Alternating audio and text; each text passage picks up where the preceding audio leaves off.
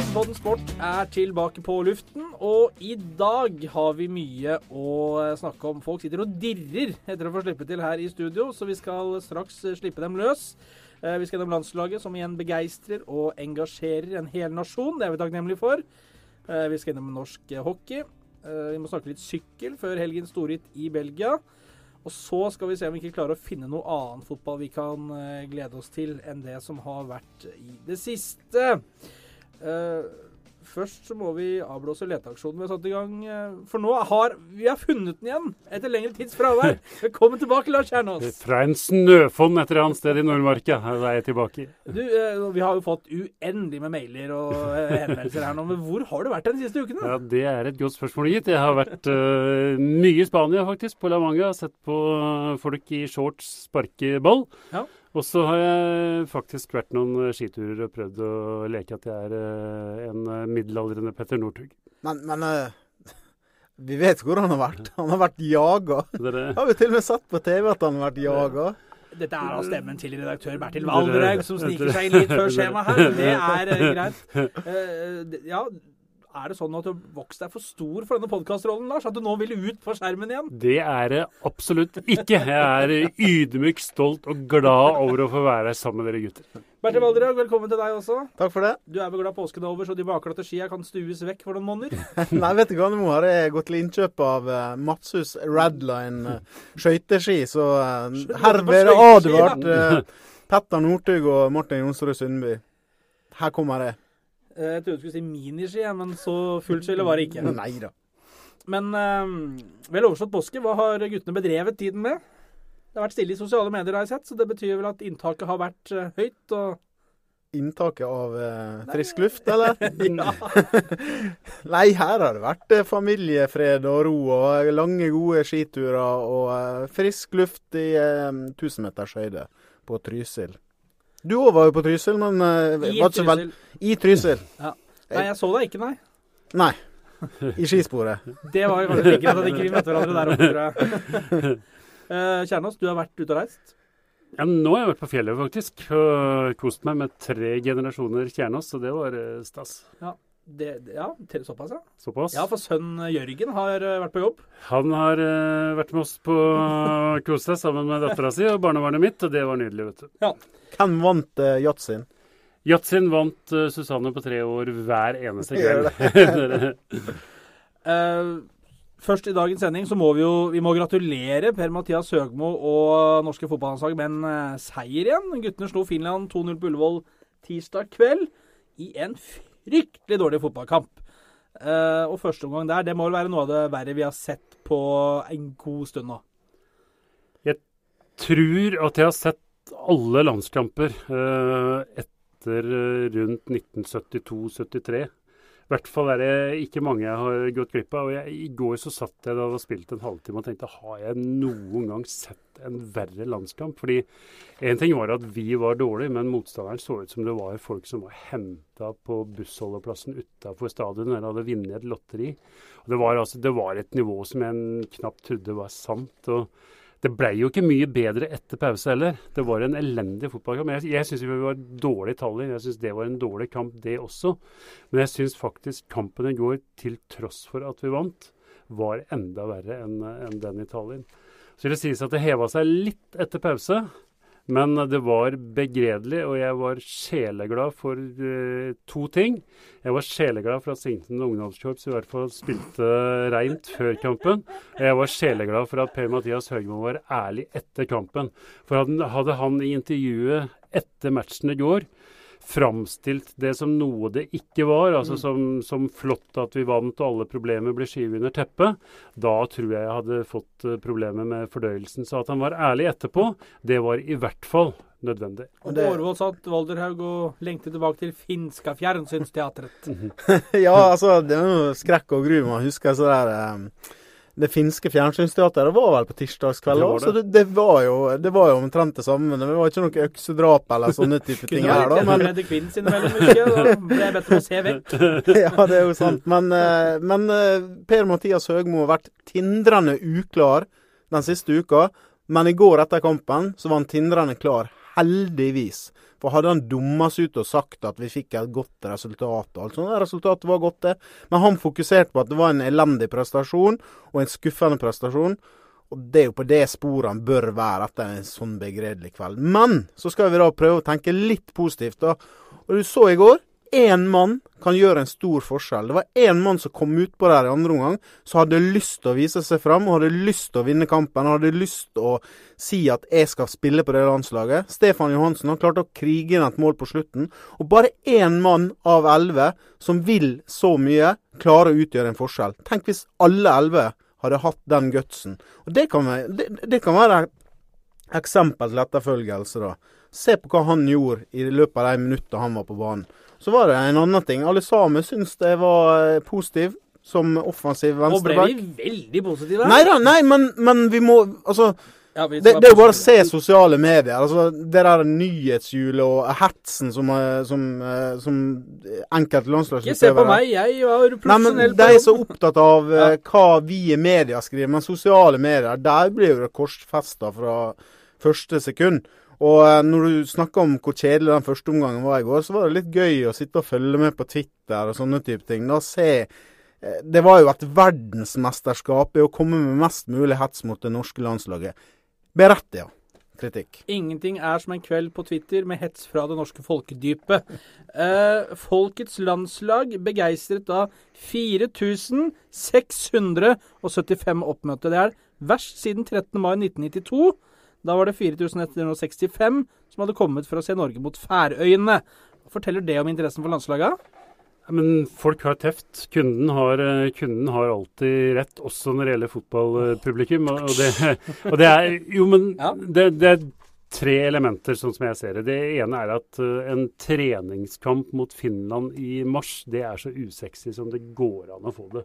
Altså det, det, det skal, du skal være ekstremt uh, fotballpunch eller ha ekstremt lite annet å finne på hvis du drar på Ullevål og ser på en treningskamp mot Finland i mars.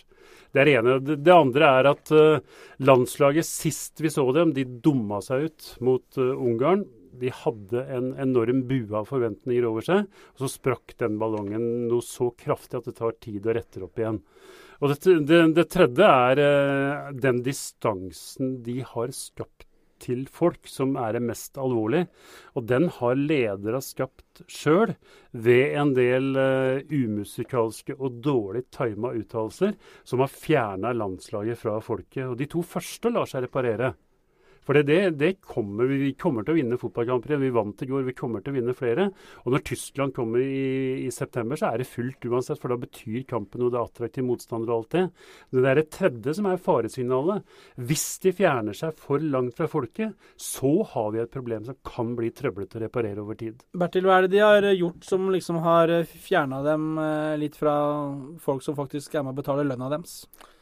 Nei, eh, VG har jo uh, hatt mye fokus på pengebruken i Norges Fotballforbund. og Når de da nå blir konfrontert med det, og nærmest bagatelliserer det og snakker om at det er gutter som har kommet hjem på landslaget, må må ha det sånn som de har det i Premier League og Bundesliga og sånt, så skaper du allerede der en distanse istedenfor å være litt mer ydmyk og være litt mer taktisk i måten du uttaler på. Og, og Derfor syns jeg, da, vi skal sikkert snakke om det senere, men det Per Siljan Skjelbreid kom med da, tiraden mot pressen sin kritikk av landslaget og miljøet, det han kom med, det oppgulpet han kom med etter kampen i går, det syns jeg han skulle ha spart seg. Eller så skulle han vært mye tydeligere og sagt akkurat hva det gjaldt. Vi, vi, vi, vi, må snakke mer med det, men jeg bare Det er såpass mange ansatte i Fotballforbundet, da, har vi jo da kunnet følge gjennom VG, og det er betaler såpass mye lønninger. Er det ikke noen som kunne eh, forsøke å ha følere ute på ok, hvordan er vi nå i forhold til folket? Er det vi holder på med nå, det sporet og det vi sier nå, er det lurt? Eller er det litt uklokt? Burde ikke noen fange opp dette her, da? Jo, men Det er nummer sånn- 51 på Fifa-ranking. Ja, men kan ikke sånn oppføre vil det som det er alltid være. Hadde Norge eh, holdt nullen i 17 minutter til på Olympiastadion i, eh, i Roma i oktober, så hadde det vært hallelujastemning. Da hadde Per-Mathias Høgmo, istedenfor å være en, nærmest en flopp nå, han hadde vært Per Messias. Så, så eh, Et drøyt kvarter unna var han den statusen. For da hadde Norge vært foran Italia og foran Kroatia i ei kjempevanskelig pulje. Så marginal er denne idretten. Men toppidretten er marginal. Det er små marginer. Men så da Istedenfor så har, har da de siste månedene vært fokusert på pengebruken, Norges Fotballforbund, alt som koster mye. Det, og det blir enda dyrere når det mislykkes. Hadde de lykkes, så hadde ikke vært fokus på det, sannsynligvis. Men sånn er det. Jeg husker landslaget på eh, midten av 2000-tallet. Det var karet jeg gikk og snakka mobiltelefon eh, på treninga og sånt. Det hadde vært greit, det. Isolert sett ikke greit, men når de tapte fotballkamper, så ble det fokus på det. Hadde de vunnet fotballkamper, så hadde det vært sånn Ja, her har man frihet under ansvar og klarer å fokusere. Men når du ikke får resultat, så vil alt bli brukt imot det. Og det er jo det som er greia nå. Men Lars, er, er det ikke sånn at når du vinner matcher og kommer til mesterskap, da kan du gjøre hva du nesten vil, for da har du levert. Da kan du være høy og mørk, og da kan du bruke penger. Da kan folk ta kjøre én spiller i eget fly eh, til bortekamper, for da har du på en måte gjort det som er jobben. Jo. Men når du taper kamper, da må du vel eh, kjenne ligge litt på været? Ja, det, det, er så enkelt som det. Og Bertil sier jo helt riktig nå. Det, det, er marginenes uh, idrett. Vi veit hva som hadde skjedd hvis, uh, hvis, vi hadde holdt ut det kvarteret i Roma. Men den største feilen de gjorde, det var todelt, syns jeg, etter den, uh, den Budapest-saken. Det ene var at de forsvant fra nyhetsbildet i to måneder. Altså, 80 dagers taushet. 80 dagers total taushet. Og B, når de 80 dagene total taushet ble brutt, så var det faktisk vi satt med fasiten. Vi ville gjort akkurat det samme om igjen fordi vi gjorde alt riktig. Og Det er da folk ikke henger med. Jeg hang i hvert fall ikke med. Jeg tror ikke jeg var aleine, aleine om det. Fordi alle veit at i Budapest, i den helt avgjørende kampen med første gangen vi kunne nå et sluttspill på 16 år, så ble ikke alt gjort riktig.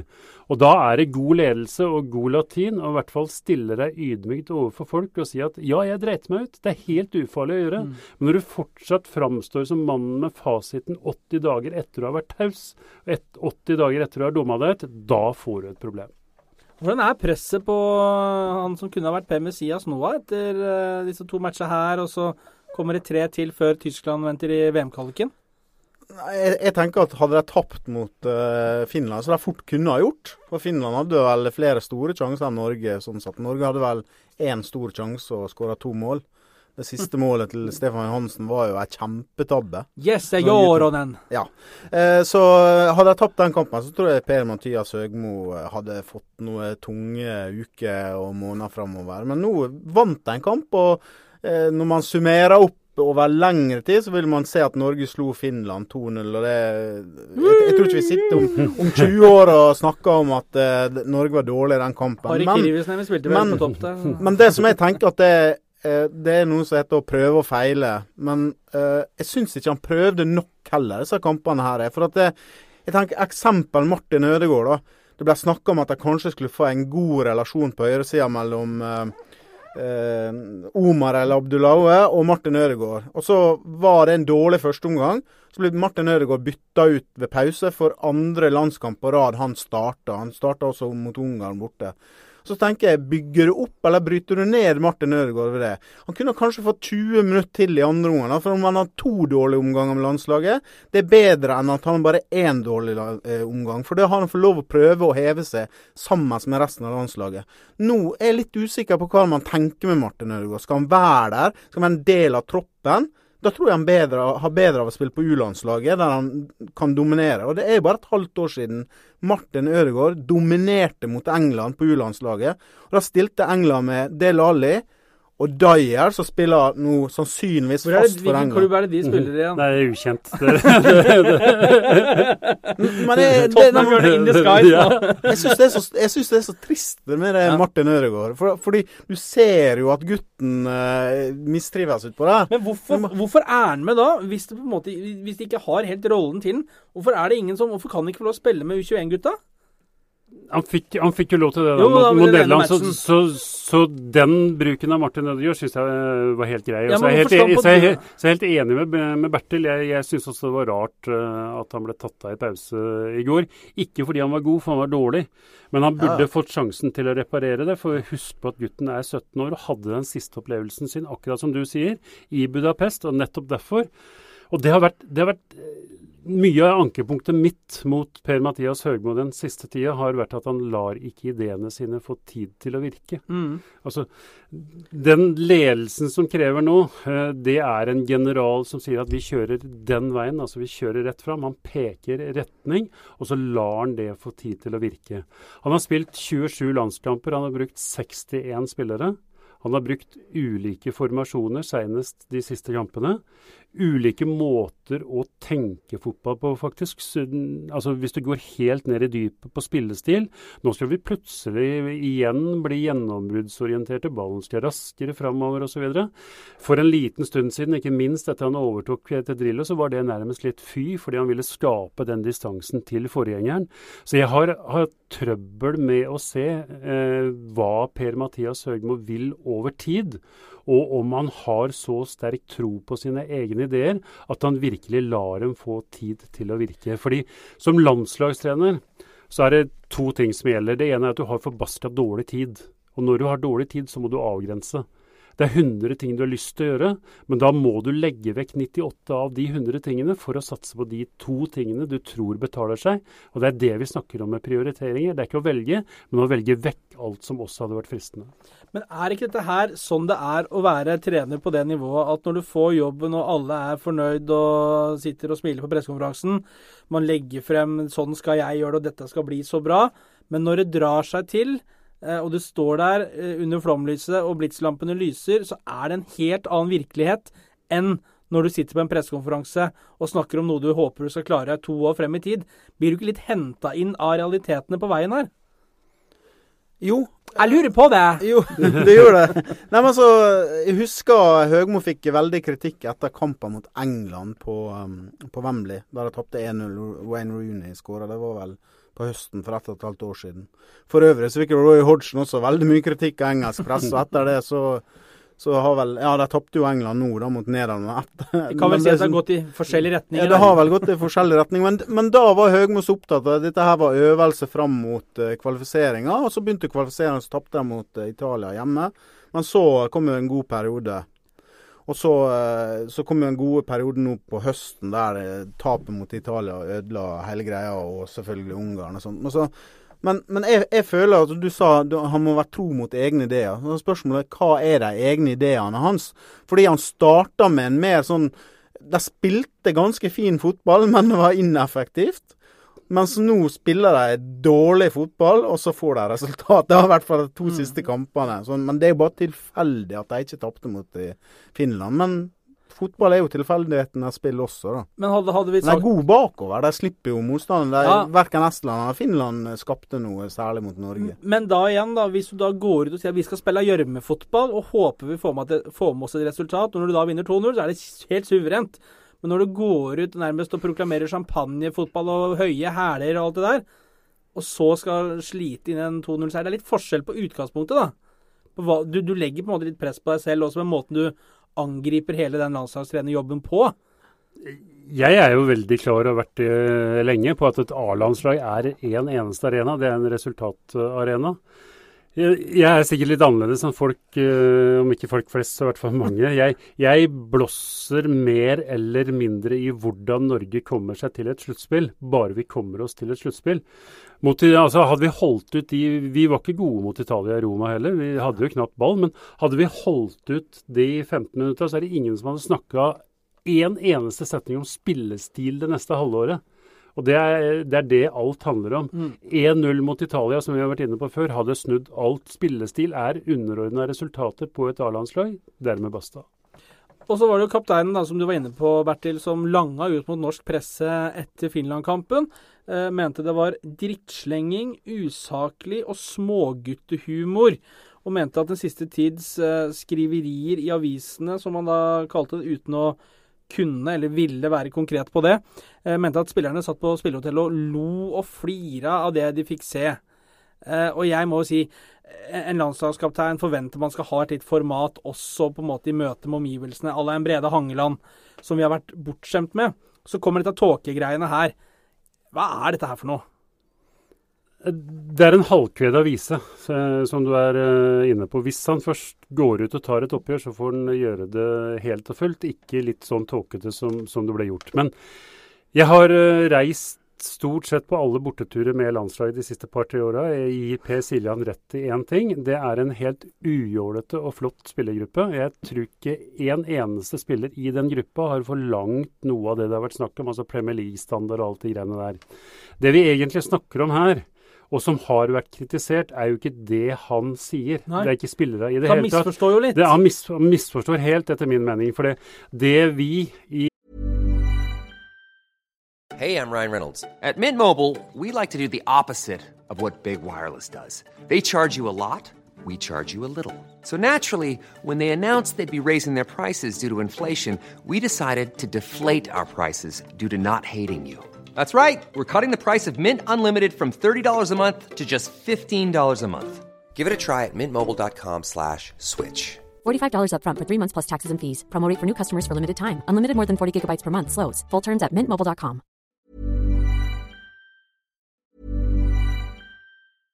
Ryan Reynolds here from Mint Mobile. With the price of just about everything going up during inflation, we thought we'd bring our prices down. So to help us, we brought in a reverse auctioneer, which is apparently a thing. Mint Mobile unlimited premium wireless. Have to get 30, 30, bit to get 30, bit to get 20, 20, 20, bit to get 20, 20, bit to get 15, 15, 15, 15 just 15 bucks a month. So, Give it a try at mintmobile.com/switch. slash $45 up front for 3 months plus taxes and fees. Promo for new customers for limited time. Unlimited more than 40 gigabytes per month slows. Full terms at mintmobile.com. i media og folk flest har reagert på, er jo et ledelsesproblem. Vi har reagert på høye lønninger, på høye smørbrød og på høye steppglass. altså, det, igjen da, det er den distansen fra folket til ledelsen i NFF. På reiseregninger, på retorikk Altså, det er problemet. Ikke spillere. Det er ingen som har sagt et, en bokstav om spillere. Og det er, det, det er, heller ikke grunn til å si Nei. det, for det er, det er en ærlig arbeidende gjeng som prøver å gjøre sitt beste.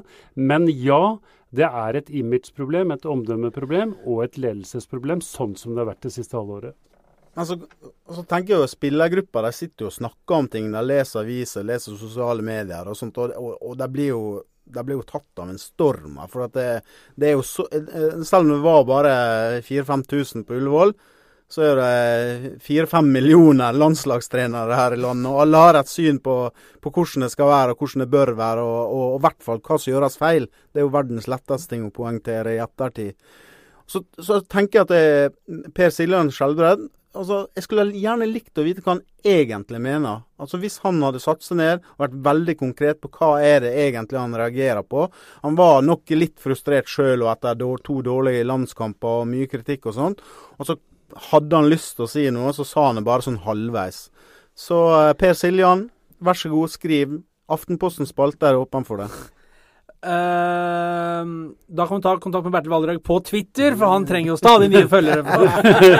Kjetil Flygen trenger enda flere. Ja, der er det, der er det snart skåltomt. Langgrunt. Uh, men, uh, men, Per Siljan, han er jo uh, gamle Per Siljan nå, 28 vel, rundt der.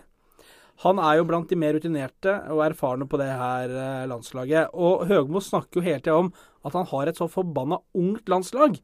Fordi at det kom frem i kvaliken i fjor at Norge hadde det yngste laget i kvaliken, eller det minst gamle, da. 25 år, 149 dager, var det vel. Det er jo ikke det, det er ikke samme som å definere det som et ungt, at laget er veldig ungt. For 25 år, da er du jo nærmer du deg på høyden av karrieren din. Og, og Per Siljan som har vært med så lenge, han bør jo skjønne litt Hvis han da tar et sånn halvveisoppgjør, eh, så må han jo si det. Altså Dette her handler jo litt om ansvaret han har som en sånn leder for den gjengen her òg. Er det ikke det?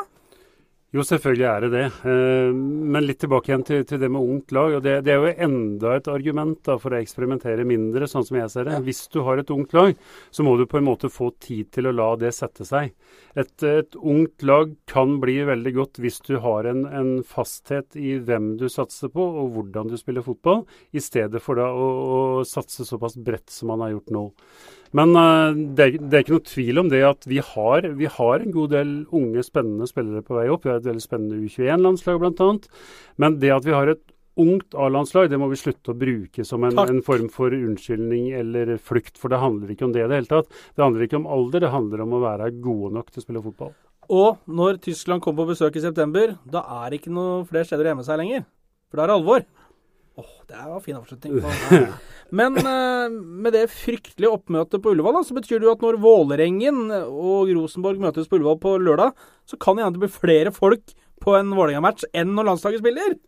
Ikke kan hende, det blir garantert. Det blir, det blir flere trøndere aleine enn det det var eh, Jo, men det blir det. Eh, Flere trøndere aleine enn det det var folk på landskampen. Det er jo flere folk på barnebursdag på vestkanten i Oslo enn det var og så landslaget spille i går. Hva var det jeg sa da? Eh, 20 000 tomme seter jubla for Lyn. I går var- det 22 000 tomme seter som ikke jubla for Norge. Men eh, skal vi trekke hjemover til liksom de mer edruelige som jobber på gulvet, da, Tippeligaen? Eller Eliteserien, som vi må si, da, Bertil. Vi som er liksom eh, statsansatte, nærmest. Uh, Vålerenga-Rosenborg. Eh, Rosenborg til Ullevål som soleklar favoritt, det er det vel ingen tvil om? Nei da, men husk, det er grytidlig ennå. Det er spilt to runder. Og vi, eh, i hvert fall jeg, da, for å snakke for meg sjøl, går jo ofte i den fella at vi trekker konklusjoner altfor tidlig. Nå sier vi at det, tabellen, vi, vi, har, vi har et topplag og vi har et båndlag allerede. Og det er, det er altså det, det er knapt så vi har åpna den herlige presangen som heter Norsk eh, Tippeliga. Så det er, det er lenge igjen. Og jeg, jeg tror fort at Vålerenga kan eh, gjøre det litt uventa ubehagelig for Rosenborg allerede nå til helga. Åhå! Ah, Dette er invitasjon. Kom til Ullevål! håper det at uh, Vålerenga ikke får uh, sitt tredje tap nå, da. Så da har null poeng etter tre kamper. Ja. Det, Men det er meldt om rekeaften på Oslo øst denne uken. Altså Rekdal som møter fansen. Så det er, altså jeg tipper det er ikke noe sånn superstemning eh, på Valle. Er det sånn uh, fireretters, uh, femretters uh, Rekdal-middag igjen, eller er det Han er vel, var vel ikke Eivind Hellstrøm som uh, skulle komme? Dette Var ikke det Rekan uh, Rekdal var med på noen firestjerners, vel? ja, og, og inviterte på reke, var ikke det? Hva? Jo, jeg tror det. Nei, jeg hørte Spiser han om det sjømat, da? Jeg, jeg, må bare innrømme at jeg jeg er ikke fast eh, seer av det programmet. Nei, det er, alle kanaler har jo sitt TV-program nå, så Nei, vi skal følge Jaget med Jaget skal vi følge, altså. Jaget, det blir kommer til å bli jaga underveis og etterpå. Men, eh, men eh, det, det kom jo melding fra Valle her om at Rekdal skulle mer på feltet. Altså skulle være mer til stede på feltet. og da stusser jeg bare litt. Er det ikke, er det ikke på feltet det skjer, da? Er det ikke der den må være?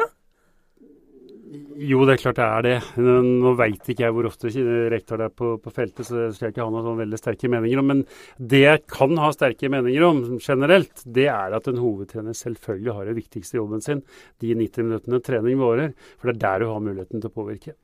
Men uh, ikke noen krise på Oslo øst ennå, er det sånn å forstå? Panelet? Det er ikke krise i mars.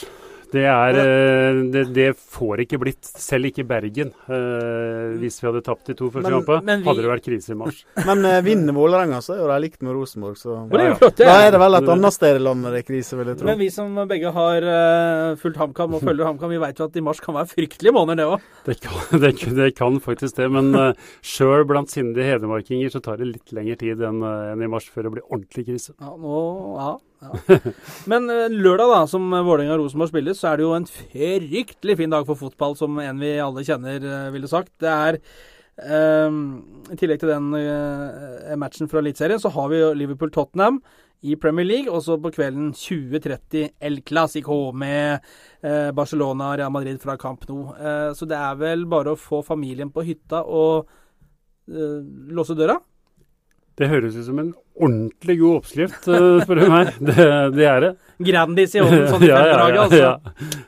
Da er, vi, da er vi der. Ja. Nei, det, det, det her, her, herlig jeg kjenner faktisk en venninnegjeng som skal til Barcelona. De har ikke tenkt ett sekund på at det er El Clásico der. Altså, det er skandale.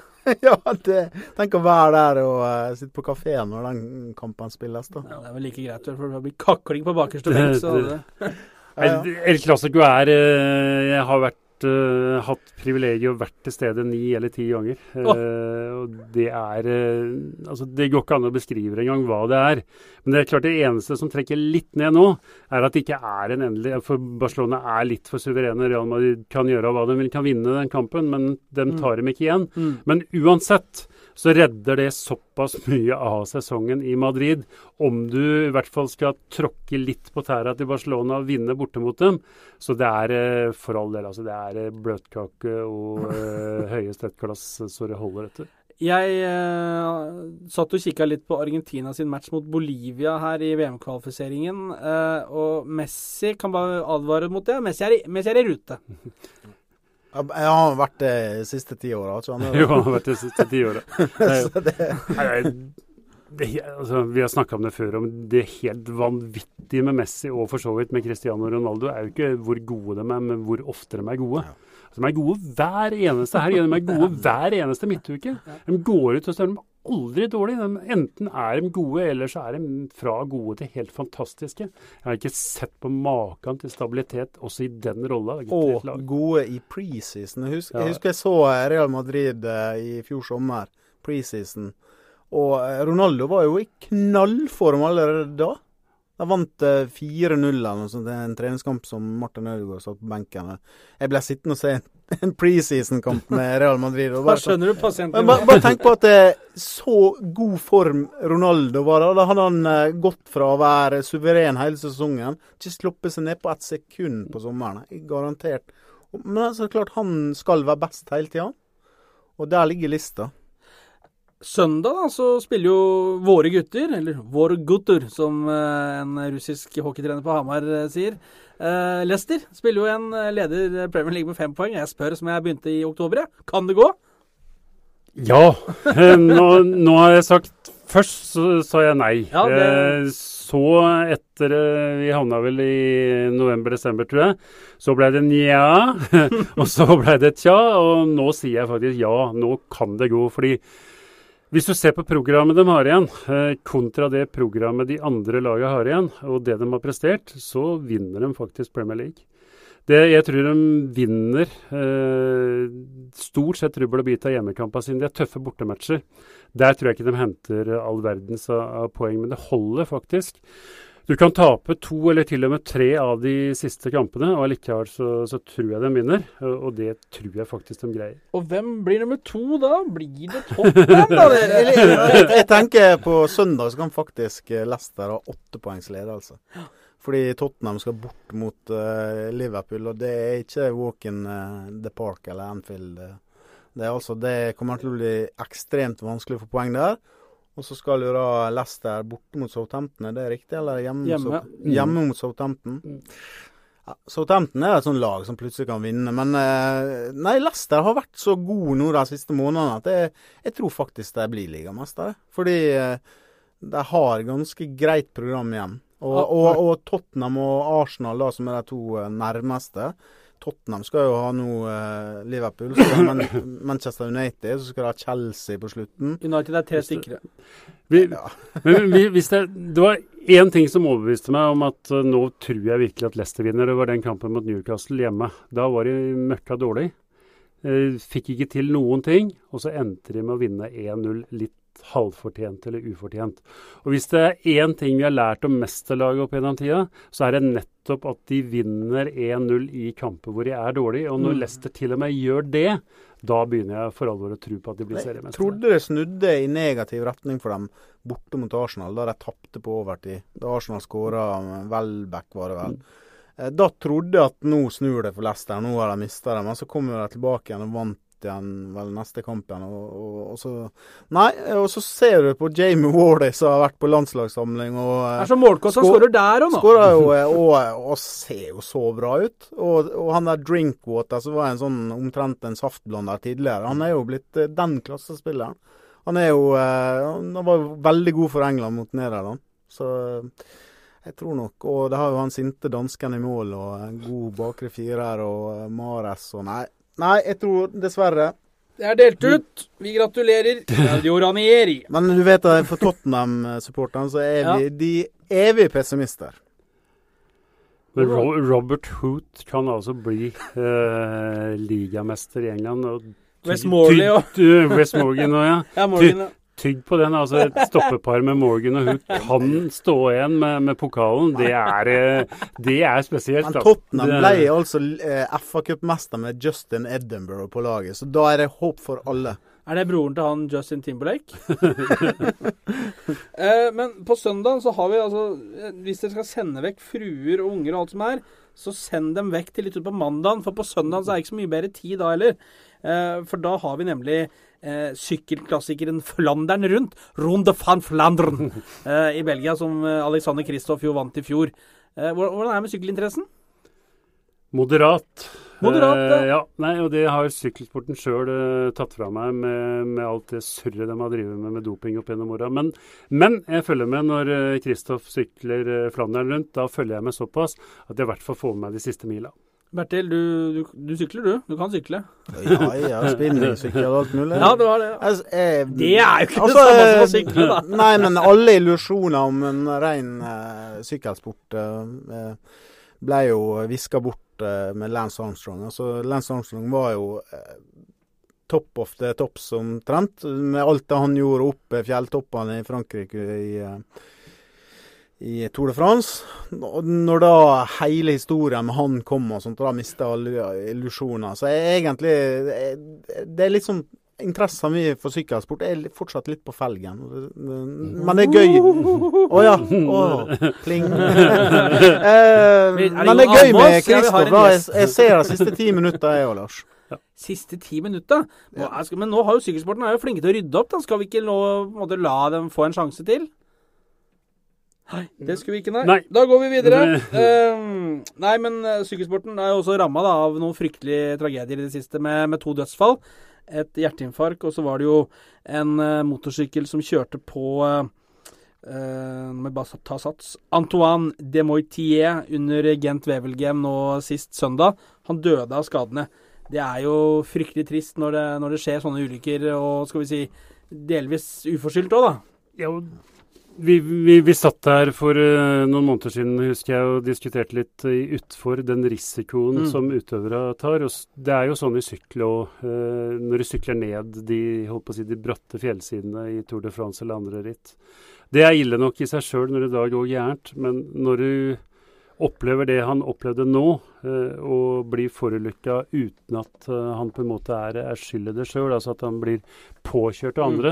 Da er det, det, er det dobbelt ille. Så det er selvfølgelig nitrist og tragisk. Men jeg, jeg tenker jeg har sett på en del sykkelritt uh, de siste åra. Så det er jo så innmari mange motorsykler, biler og alt mulig at, at det ikke skjer oftere at de eh, krasjer. Det, er, det har forundra meg. Så uh, forslaget må jo være at det må være færre som skal kjøre rundt på motorsykler i 100 km i timen og suse mellom syklistene og sånt. Og så, at, så det skjer uhell. Så tenker jeg, vi skal se litt sånn bredere på det, totalt på idretten, kommersialiseringa og sånt. Det, man strekker jo strikken lenger hele tida. Skal litt fortere, litt høyere, litt lengre. Og jeg var i Vancouver da han eh, akeren fra Georgia døde på dagen før det starta. Han, føyk over vant og ut i, eh, og traff en stolpe. Og så tenker jeg, er det verdt de siste 7-8 km i timen? Er det verdt det? Er det nødvendig? Må man nødt til å gjøre det for å fange folks interesse? Der, den diskusjonen syns man skulle tatt da på idretten totalt sett. Fordi, fordi det er ikke nødvendig at fire-fem alpinister suser ut av bakken en Kitzbühel. Og det er egentlig bare flaks at det ikke skjer større uhell og større ulykker når det, når det første uhellet inntreffer.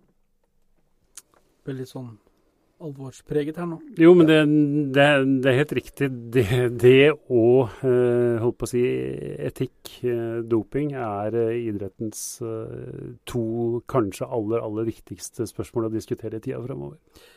Fra det til eh, idrettens mest ærlige utøvere, nemlig hockeyspillerne. Vi har jo blitt kjent med dem. Vi har jo diskutert ishockey gjennom iskrigerne her med å smelle på en jævel og være Må være sinnssyk. sinnssyke. Kontrollert sinnssyk. Kontrollert sinnssyk, ja. Det hadde Svenna Olsen funnet på. Eh, nå er jo NM-sluttspillet i ishockey i full gang. Semifinaliserien best av syv spilles nå mellom Lørenskog og Vålerenga. Best av 700? Syv Syv. kamper. Å ja, syv, ja. 700 kamper, ja. Og eh, mellom Storhamar og Stavanger. Sett fra Årvoll, da, karer, hvor, eh, fortsatt savner Bjørn Botta Skåre i Furuset eh, ishall. Hvordan, hvordan ser dere ishockeysluttspillet for dere nå? Jeg syns det er kult med når, når det blir sluttspill og de, de beste lagene står igjen, da syns jeg det er kult også med norsk eh, hockey. Eh, og jeg setter meg ned og ser på. Såpass interessert er jeg at jeg setter meg ned og ser på hvis jeg ikke har noe helt spesielt annet å gjøre. Og det var jo, Jeg syns det var litt stas at Storhamar vant i, i Stavanger. For det, det, det setter, eh, setter trykk på favoritten, som nå må prestere på De må jo vinne nå i Hamar en eller annen gang, hvor det blir Matt Fjøs. Hvor det blir fullsatt. Oh. Og så er det, så er det Matt Fjøs. Matt Fjøs blir det på Hamar. De sier det. Det er full hall. Det er Matt. Matt Fjøs. Det er, eh, og så er det Lørenskog-Vålerenga, som alltid er spesielt. Fordi Lørenskog har uh, vært oppkomlingen, pengeklubben, som Mm. På å si var det Lillestrøm var på fotballbanen for noen, noen år siden. Som stjal med seg bygutta fra, fra Vålerenga med litt høyere lønninger. Så det er, det er to veldig spesielle kamper. Så jeg syns det, er- synes det er gøy, og jeg syns det er herlig at det blir jevnt òg. 3-2 i begge første kamper. Det er sånn det skal være. Det skal ikke være 7-1 når det blir semifinaler. Da skal det være 3-2. Eh, Bertil, du som jo har eh, flere sesonger bak deg i Sykkylven Warriors. eh, hvordan vil du gi oss en faglig analyse av Min erfaring fra ishockey var at jeg gikk i bakken. Vi spilte med steiner eh, eh, utafor eh, Skarvik ungdomsskole. Og, og jeg gikk hjem til foreldrene mine og sa at jeg så bare stjerner. Så etter det så la jeg hockeyskøytene opp på hylla, og der har det blitt liggende. Så interessa er på lavmål. Men jeg syns det er kjempegøy. eh, Det systemet at eh, det beste laget skal få lov til å trekke Får lov til å sette opp motstander i semifinale. Og da, da, da, da blir det litt sånn hovmod for fall, da, hvis eh, Oilers blir slått ut av Storhamar og sånt. Og det setter en ekstra spiss på det, så det er godt uh, påfunn. Men jeg syns det er litt sånn Det, det, var, det var litt flåsete sagt 700 kamper, men jeg syns det er veldig mange kamper for å avgjøre sluttspillet. Det, det er veldig mye, men det er sånn hockey er. Er ikke, det, det, er ikke liksom, det ligger ikke mitt hjerte nærmest, det må jeg få lov til å innrømme. Det var én feil i den setningen du sa 'hvis Storhamar slår ut Stavanger'. Sa mannen fra Hamar. Det får bli de siste velvalgte ord fra guttene i Aftenpodden Sport. Eh, hvis du ikke har hørt alle episodene våre, så gå for all del inn i iTunes og last ned hele smørja der. Eh, vi takker for oppmerksomheten. Og så Lars, åssen blir det neste uke, tror du? Er det noe TV-program da, eller kan du bli med? Nei, eh, det passer fint. Det er få TV-programmer neste uke, så jeg, har, jeg stiller.